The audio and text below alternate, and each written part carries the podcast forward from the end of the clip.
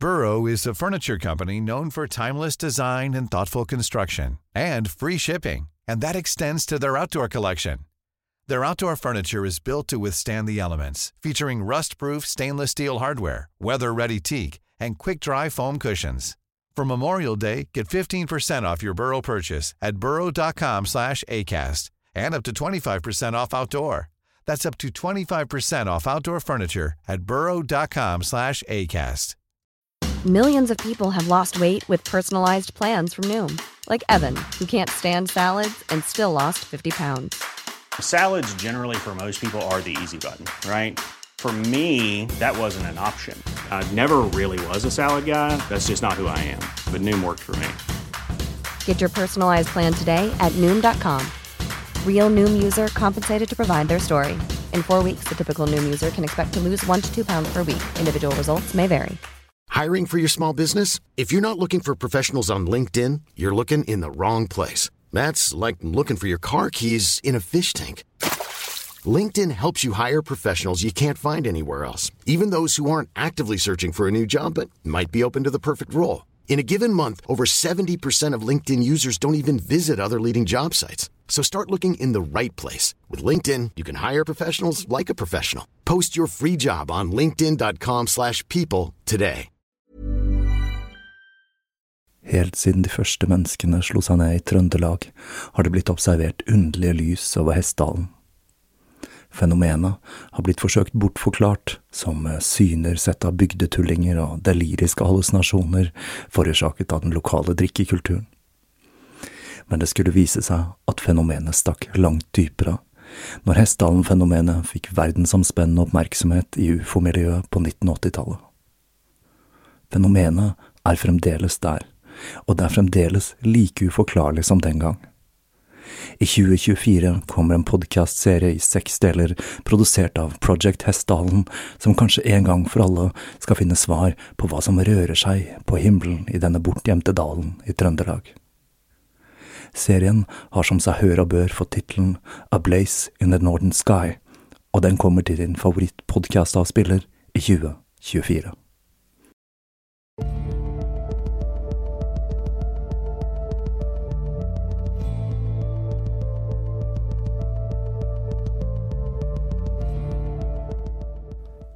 Hei og velkommen til Tåkeprat.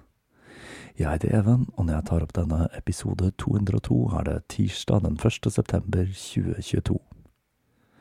Som jeg sa i forrige episode, så har det vært forholdsvis lite true crime i Tåkeprat.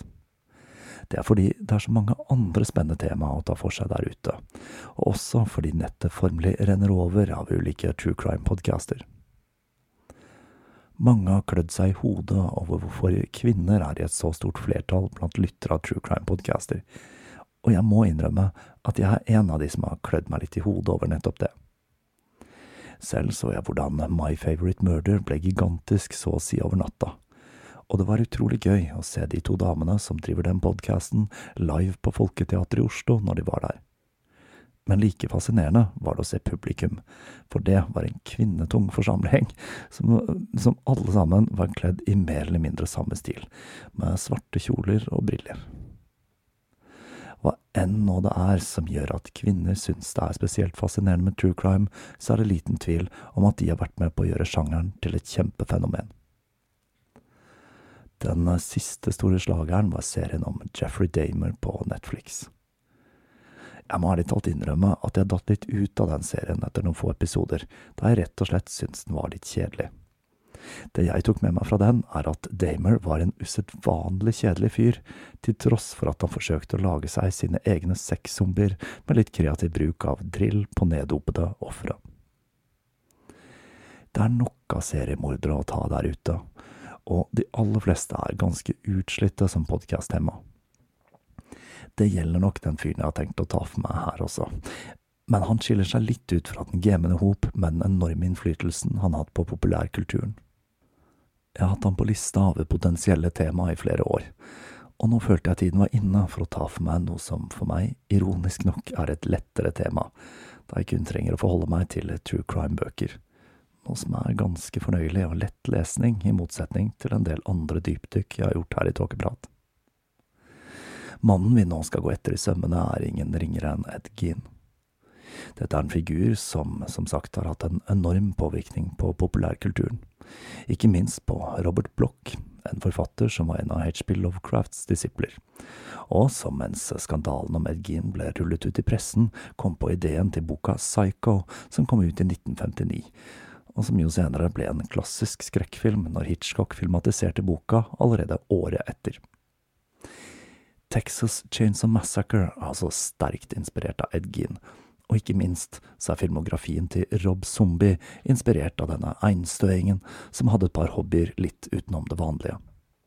Ed Gein har også inspirert musikkens verden, og den låta som kanskje er aller mest verdt å merke seg her, er Slayers Dead Skin Mask fra Seasons in the Abyss, som jeg personlig regner som et av de aller beste albumene gjennom tidene.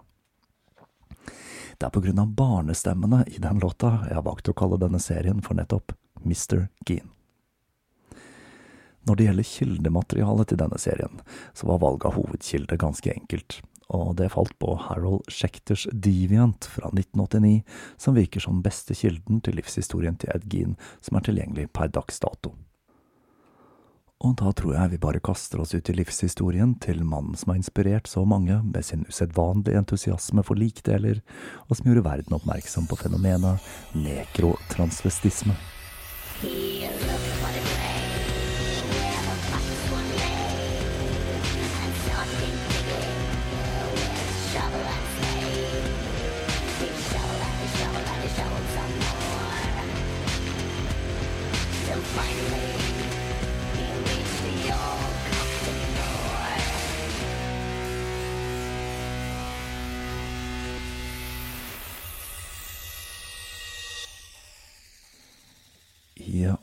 1879 bodde George Gean sammen med moren og faren og en eldre søster på en gård i Coon Valley i Wisconsin. En dag lot familien gutten være igjen alene hjemme på gården mens de dro til bygda på et ærend. Da ble de truffet av en springflo når de skulle krysse Mississippi, og de tre måtte bøte med livet. Den tre år gamle gutten var nå plutselig blitt foreldreløs, og det var besteforeldrene hans, som var innvandrere fra Skottland, som nå tok det på seg å oppdra George. Etter å ha fullført grunnskolen gikk han i lære hos en smed, og han brukte de neste årene på å slite i smia. Tidlig i 20-årene flyttet han hjemmefra, og han flyttet til den nærmeste byen, La Crosse. George drev fra jobb til jobb, og han jobbet blant annet som forsikringsselger og for den lokale jernbanen. Denne hyppige utskiftingen av jobber hadde kanskje en sammenheng med at George hadde begynt å drikke ganske så hardt. Hver gang han fikk lønningsposen, gikk turen rett til nærmeste bar, hvor han brukte opp mesteparten av lønna si. George sitt liv var i en nedadgående spiral. Noen ganger forbannet han verden for å ha gitt ham så elendige forutsetninger for å kunne lyktes, og andre ganger la han skylden for sin egen utilstrekkelighet på seg selv. Han hadde det i det hele tatt ikke så godt med seg selv, han George. Men så skulle lykken snu seg, når han traff kvinnen i sitt liv. Hun het Augusta. Hun kom fra en tysk innvandrerfamilie som var strengt religiøse, og hvor faren i huset, rett som det var, straffet barna med å slå de dersom de ikke etterlevde familiens strikse religiøse kodeks. Augusta var 19 og George 24 når de møttes. Hun var en ganske kraftig dame, med en like kraftig personlighet. Den strenge religiøse oppdragelsen hadde fått skikkelig feste, og overalt rundt seg så hun en verden som var i ferd med å bli spist opp av synd og fortapelse. Augustas filosofi var at man kunne renses for synd med hardt arbeid og selvfornektelse. Hva som fikk de to til å gifte seg, er en gåte. Men det kan jo tenkes at George så på dette som en mulighet til å få seg en familie, og med det kanskje få en mulighet til å stable livet på beina igjen. For Augusta sin del så hadde den skarpe personligheten hennes hatt en tendens til å skremme vekk beilere, og George han virket som en streit fyr, og kanskje viktigst av alt så var han, som henne selv, en lutheraner. Augusta neppe neppe om det harde alkoholforbruket til George eller den tragiske bakgrunnen hans, men det er nok meget mulig at hun enset at dette var en mann hun kunne kontrollere, noe som passet henne aldeles utmerket. De giftet seg den 4. desember 1899, og det gikk ikke så veldig lang tid før Augusta viste sitt sanne jeg og ble en hustyrann. Hun begynte å skjelle ut George åpenlyst og kalte ham en verdiløs hund som ikke dugde til noe. Og til tross for at George var herdet av årevis med fysisk arbeid, så forsøkte han ikke å motsette seg trakasseringen, men han tok den imot. Kanskje fordi han innerst inne trodde at hun hadde rett. Når Augusta oppdaget at mesteparten av lønna hans gikk med til alkohol, ble stemningen enda dårligere, og fyret opp av Augustas religiøse overbevisninger og lange tirader ble tilværelsen i husholdningen utholdelig. George reagerte med å trekke seg lenger og lenger inn i seg selv. Han nektet å snakke med henne, bortsett fra de gangene han hadde fått lønn og kom hjem full. Da hendte det at han begynte å slå henne, noe som som regel endte opp med at hun ble liggende på kne og ba til Gud om at mannen hennes skulle dø. Nå kan man spørre seg, hva skal til for å bedre stemningen i en husholdning der ting er såpass turbulent?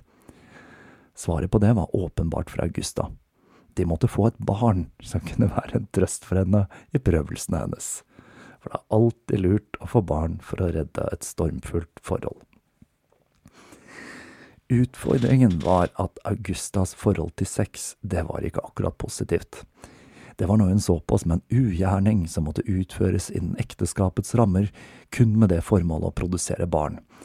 Så en kveld så lot hun George få krype til køys med henne. Og resultatet av det, det var en gutt, Henry, som ble født den 17. januar 1902.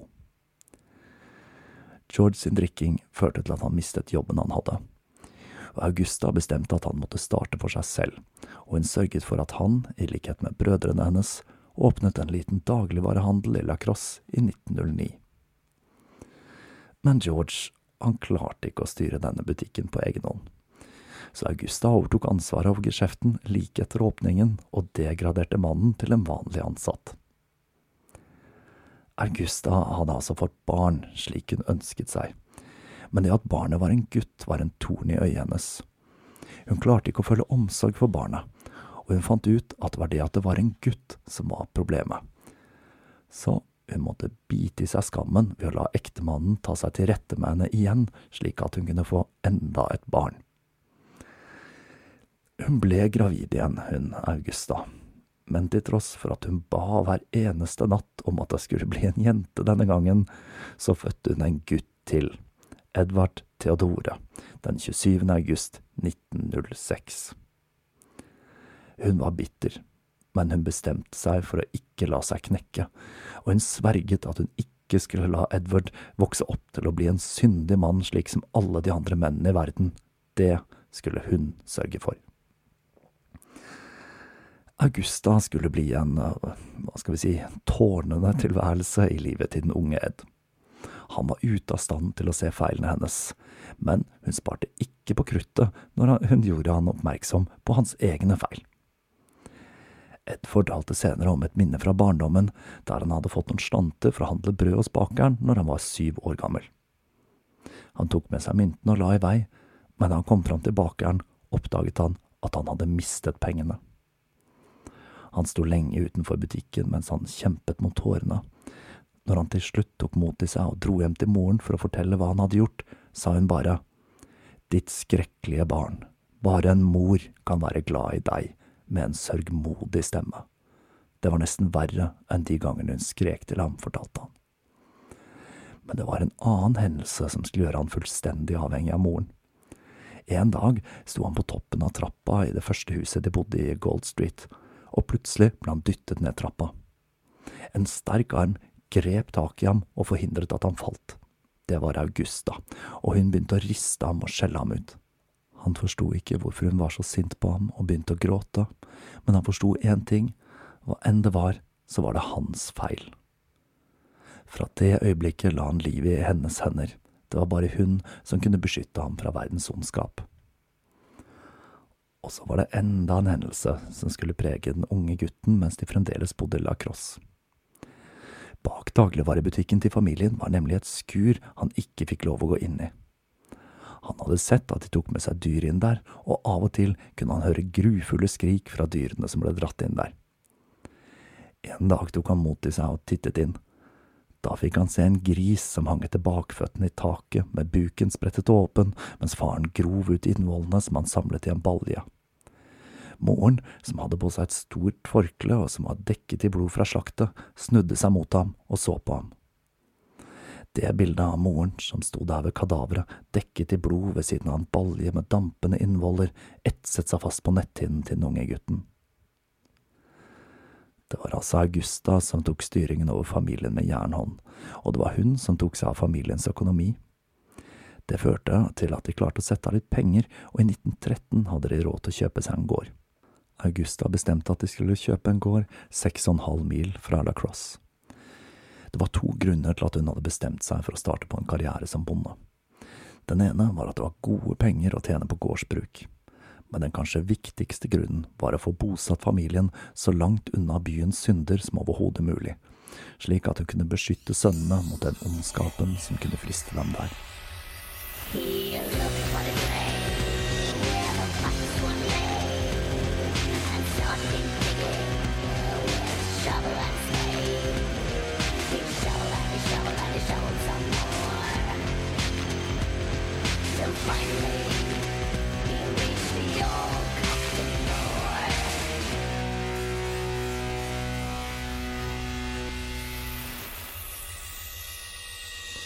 Men det skulle ikke bli så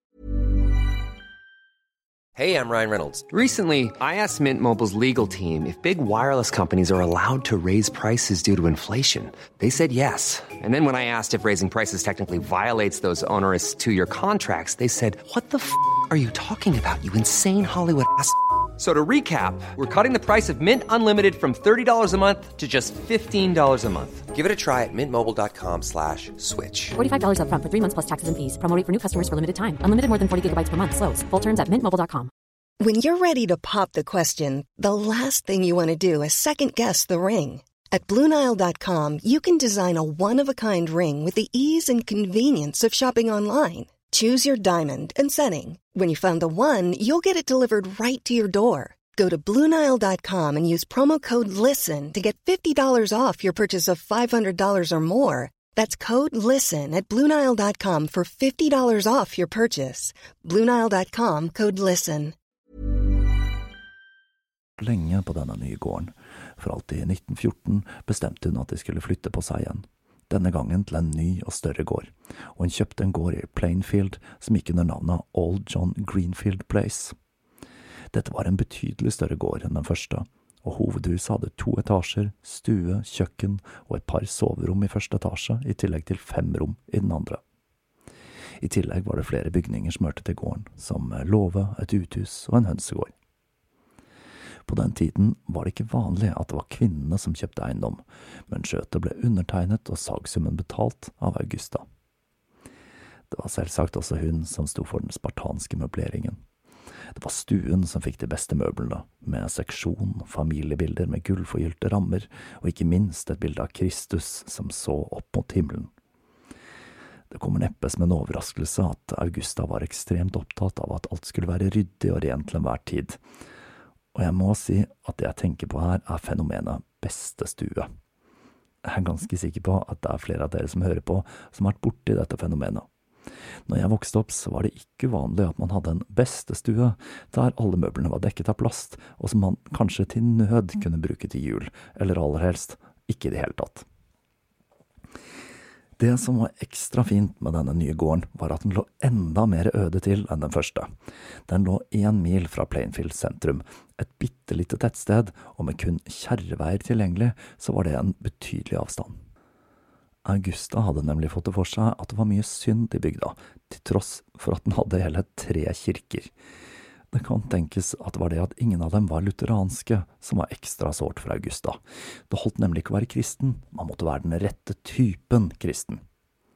Folk i området pleide å dra inn til sentrum ca. en gang i måneden for å gjøre innkjøp, og det var da en stor begivenhet. Men for Augusta og familien så var turer til bygda et nødvendig onde de forsøkte å holde på et absolutt minimum. Når hun først tok turen, ble hun heller ikke spesielt godt tatt imot av lokalbefolkningen. Om dette skyldtes at hun var svært hoven eller overbærende, eller rett og slett misunnelse fordi hun hadde en av de største gårdene, spilte liten rolle for Augusta. Hun likte at folk skydde henne, og jo raskere hun kunne komme seg tilbake til isolasjonen på gården, jo bedre var det. Den nærmeste naboen var en halv kilometer unna, og utover det så var de omgitt av villmark. Selv om Augusta helst skulle sett at sønnene aldri fikk kontakt med omverdenen, så var dette lite gjennomførbart. Lille Ed han begynte på skolen når han var åtte. Dette dreide seg om en veldig liten bygdeskole med kun ett rom. Skolen skulle etter hvert bli slått sammen med en annen, og det var på denne nye skolen Ed fullførte utdannelsen sin, 16 år gammel. Han var en helt gjennomsnittlig student, men han skilte seg ut ved det at han var svært glad i å lese, noe som skulle ha en ganske sentral betydning for det videre livet hans. Skolegangen var ikke en lykkelig del av livet til Ed. Han følte seg utenfor, og han hadde problemer med å sosialisere seg med de andre elevene. De få gangene han klarte å få seg en venn, begynte Augusta å protestere. Det utspilte seg gjerne slik at hun fortalte den unge gutten om hvor løsaktig moren til den nye vennen var, og at han ikke måtte menge seg med den slags folk. Men til tross for at Ed Gean ble betraktet som en raring som slet med å holde øyekontakt og alltid hadde et skjevt smil, så var det ingen som ante at det var noe alvorlig galt med Ed. Han var ikke som de andre guttene. Han snakket mykt og virket nervøs. Når de andre guttene snakket om sex, trakk han seg alltid unna. Han ble ertet av de andre barna, spesielt siden han hadde en liten utvekst på det venstre øyelokket som gjorde at det hang litt. Alt dette var med på å underbygge verdensbildet Augusta malte for sønnen, som en verden fylt av synd og ondskap man gjorde best i å holde seg unna. Livet på gården var hardt. De klarte knapt nok å produsere nok mat til å spise selv. Det var lite hjelp i George. Han hadde begynt å drikke tettere og lå stort sett på sofaen når han ikke gikk rundt og skjelte ut familien. Så på grunn av det var det Augusta som måtte gjøre alt arbeidet på gården, og hun begynte å sende guttene inn til byen når det skulle handles inn. For henne var blodslitet der ute i ensomheten, med en brutal ektemann en plikt hun var gitt av Gud. Men for Ed var det å være adskilt fra verden utenfor i en utarmet, fattig eksistens med på å bryte ham ned ytterligere, og han skled dypere og dypere inn i en fantasiverden. Augusta på sin side, hun ble mer og mer opptatt av syndige kvinner, og hun turet på med prekener til sønnene sine om hvordan falne kvinner kunne få dem til å synde. Noen kvelder, når det regnet så hardt at det var umulig å arbeide ute, tente hun en oljelampe og fortalte om Noah, og om hvordan en ny syndeflod ville komme for å rense vekk kvinnenes synd. Hun fikk begge sønnene til å sverge at de aldri skulle la seg besmitte av kvinner. Om de måtte, sa hun, så var det bedre å ta del i synden til Onan enn å gi seg hen til en kvinne. Henry, den eldste sønnen, forsøkte å motsette seg moren et par ganger. Han forsøkte å sosialisere seg med de lokale jentene, men det satte Augusta en rask stopper for, og han bestemte seg til slutt for å forbli ungkar livet ut. George hadde levd et hardt liv, og det gikk hardt utover helsen hans. I 1940 tok han kvelden, og han ble begravet den 4. april. Men dette var ikke noe stort tap for familien. Han hadde aldri bidratt med noe, og de siste årene av livet hans hadde han vært pleietrengende, så det hele var rett og slett en lettelse. Men til tross for at de var kvitt faren, så var det en tøff tilværelse på gården. De hadde ikke hatt råd til å pusse opp eller sette i stand noe, så de hadde verken innlagt strøm eller vann, og huset trengte desperat en real oppussing. For å forsøke å spe på inntekten litt, tok de to brødrene ulike strøjobber i nærområdet, som malejobber og reparasjon av gjerder, og Ed jobbet til og med litt som barnevakt. Han var faktisk veldig populær blant barna, for selv om han hadde hatt problemer med å få kontakt med jevnaldrende når han selv var barn, og han hadde problemer med å snakke med andre voksne nå, så likte han å være rundt barn. For alle som møtte Ed, så fremsto han som en høflig, lavmælt ung mann som sa lite. Han hadde et smil som fort kunne få en til å fryse på ryggen, men med den ekstreme bakgrunnen han hadde, så tenkte folk at det kanskje ikke var så rart. Henry på sin side fikk litt mer prestisjetunge og bedre betalte jobber. På et tidspunkt ble han ansatt som formann for et arbeidslag på nabogård. De to brødrene hadde alltid vært gode venner. De dro på fisketurer og jaktet sammen. Men så skulle det skje noe som fikk forholdet til å surne. En dag sa nemlig Henry at han syntes Ed var litt for nært knyttet til Augusta. Ed ble helt himmelfallen. Han trodde broren delte det forgudende synet han hadde på moren som en levende helgen, og den kommentaren var en han ikke klarte å glemme. Den 16. mai 1944 dro Henry og Ed ut for å slukke en myrbrann som var på vei mot gården. Ed fortalte senere at det var han og broren som hadde tent på brannen for å få brent vekk dødt gress, mens avisene på den tiden skrev at det var Ed som hadde foreslått å starte brannen, og Henry som ble med. Uansett hvem som startet den, så kom Henry aldri hjem igjen.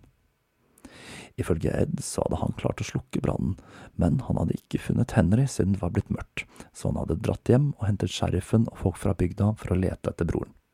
Da de kom til stedet der det hadde brent, tok Ed følge rett til stedet der broren lå, og det første de la merke til, var at liket lå på den brente bakken uten at noen av klærne var blitt brent. I tillegg hadde det noen underlige merker på hodet. Når sheriffen bemerket at det var litt rart at Ed hadde ført dem rett til den døde broren når han ikke hadde klart å finne han tidligere, svarte Ed bare ja, er ikke det litt rart? Til tross for de mildt sagt underlige omstendighetene ble det avgjort at Henry hadde dødd av kvelning, og at det ikke var nødvendig med noen videre etterforskning, for ingen kunne tro at Ed hadde drept broren han var så glad i. Og nå var det bare Ed og mamma igjen i huset. Men denne drømmesituasjonen skulle ikke vare så lenge. Augusta hadde vært den drivende kraften bak denne kjernefamilien i alle år, men like etter Henrys død ble Ed sjokkert når hun fortalte at hun ikke følte seg frisk og trengte lege. Han kjørte henne til Wild Rose Hospital, og når de kom dit var hun så dårlig at hun måtte transporteres i rullestol. Hun ble rullet inn på et undersøkelsesrom mens Ed satt og gnudde på lua si. Tiden gikk sakte, og når legen til slutt kom ut, var det nedslående nyheter han kom med. Augusta hadde hatt et slag. Mens hun var innlagt, tilbrakte Ed så mye tid han bare kunne, det vil si så mye tid han fikk lov til ved hennes side. Til slutt ble hun skrevet ut, og Ed var nødt til å bære henne inn i huset når de kom hjem, hvor han la henne i senga hennes. På en måte syntes han det var fryktelig å se kvinnen han så sånn opp til i en så redusert tilstand. Men sett fra en annen side så så han på dette som en mulighet til å ta seg av henne og vise moren at han dugde til noe. Fra sengen fortalte hun ham hvilke oppgaver som måtte gjøres, og når kvelden kom, ba hun ham lese bibelvers for henne.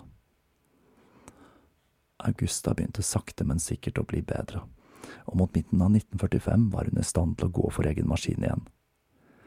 Det var sikkert litt vondt for Ed at hun ikke anerkjente jobben han hadde gjort for å få henne på beina igjen, men det viktigste var tross alt at hun var frisk og rask igjen. Så skulle det skje noe som kom til å endre tilværelsen på gården dramatisk. Vinteren 1945 var de i ferd med å gå tom for fôr til kyrne. Augusta bestemte at de skulle dra til en nabo, Smith, for å kjøpe det av han. Smith var kjent som en kranglevoren type, men de måtte ha fôr om kyrne skulle overleve vinteren. Når Edvard Augusta kom til Smith, sto han på tunet og dengte løs på en hundevalp med en kjepp. Hunden skrek i smerte, og mens Ed og Augusta betraktet opptrinnet, kom en kvinne løpende ut, som tagg og ba Smith om å stoppe. Men han hørte ikke på det øret, og han fortsatte å slå valpen til den var død. Augusta ble svært opprørt, men ikke på grunn av den døde valpen. Hun forklarte til at kvinnen var Smiths hore, og at de to levde sammen ugift, vil si i synd. Her er det godt at vi har prioritetene i orden, sier nå jeg. Makan til hillbilly-scenario, det skal man lete lenge etter.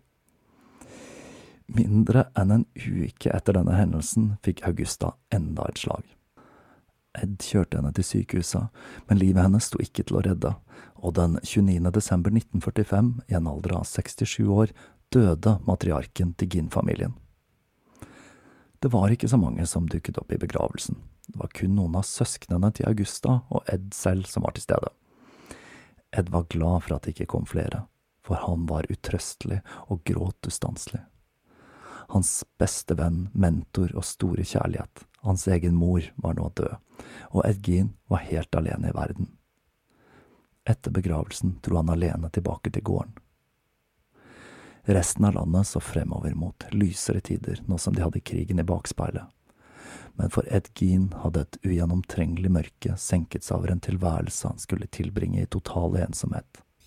Om han nå ikke skulle klare å finne seg selskap.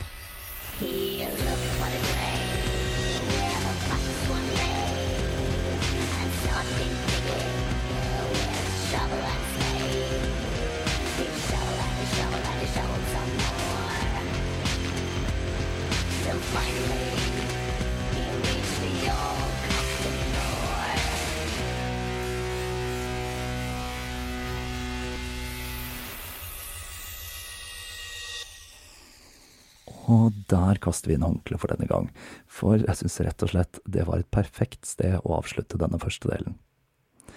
Nå er det ikke akkurat noen hemmelighet at det ikke går så veldig bra med Edgin, og etter å ha gått gjennom denne første delen av livet hans, så er det kanskje ikke så vanskelig å forstå hvorfor. Jeg må jo si at å jobbe med denne serien har vært et kjærkomment avbrekk fra den ofte tyngre tematikken her i Tåkeprat. Ikke for det, det går nok ikke så veldig lang tid før vi gjør et dypdykk i litt tyngre materie igjen. Men jeg syns nå det var litt artig å ta et lite pust i bakken med en ikke så altfor komplisert fortelling. Og jeg vil tro dere la merke til at jeg moret meg skrekkelig med denne episoden. Så det blir nok ikke så altfor lenge til den neste delen i denne serien. Fram til neste episode vil jeg som vanlig takke alle patrions. Det er kommet til en del nye det siste, og det er jeg veldig takknemlig for. I tillegg så vil jeg rette en takk til de som har donert, de som har handlet i nettbutikken, og du som har anbefalt podkasten til andre, og ikke minst deg som hører på. Helt til slutt så vil jeg også tipse om at jeg var med på et intervju i Skumma kultur på Radio Nova på selveste halloween. Dette intervjuet er blitt lagt ut som podkast, så jeg legger linken til dette i episodenotatene. Vi høres igjen om ikke lenge.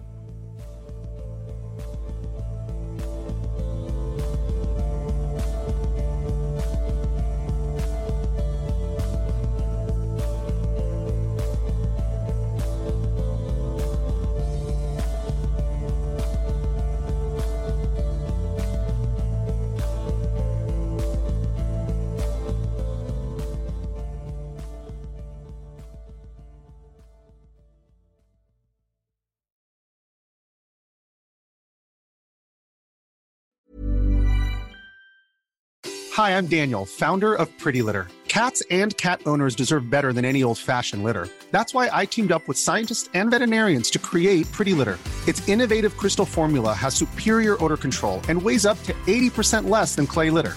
Pretty Litter even monitors health by changing colors to help detect early signs of potential illness. It's the world's smartest kitty litter.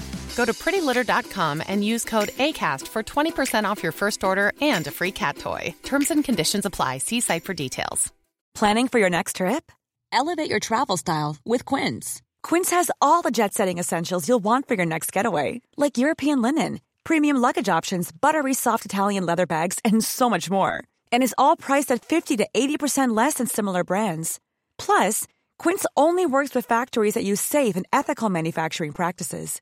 Pack your bags with high-quality essentials you'll be wearing for vacations to come with Quince. Go to quince.com slash pack for free shipping and 365-day returns. Planning for your next trip? Elevate your travel style with Quince. Quince has all the jet-setting essentials you'll want for your next getaway, like European linen, premium luggage options, buttery soft Italian leather bags, and so much more. And is all priced at 50 to 80% less than similar brands. Plus, Quince only works with factories that use safe and ethical manufacturing practices. Pack your bags with high-quality essentials you'll be wearing for vacations to come with Quince. Go to quince.com slash pack for free shipping and 365-day returns.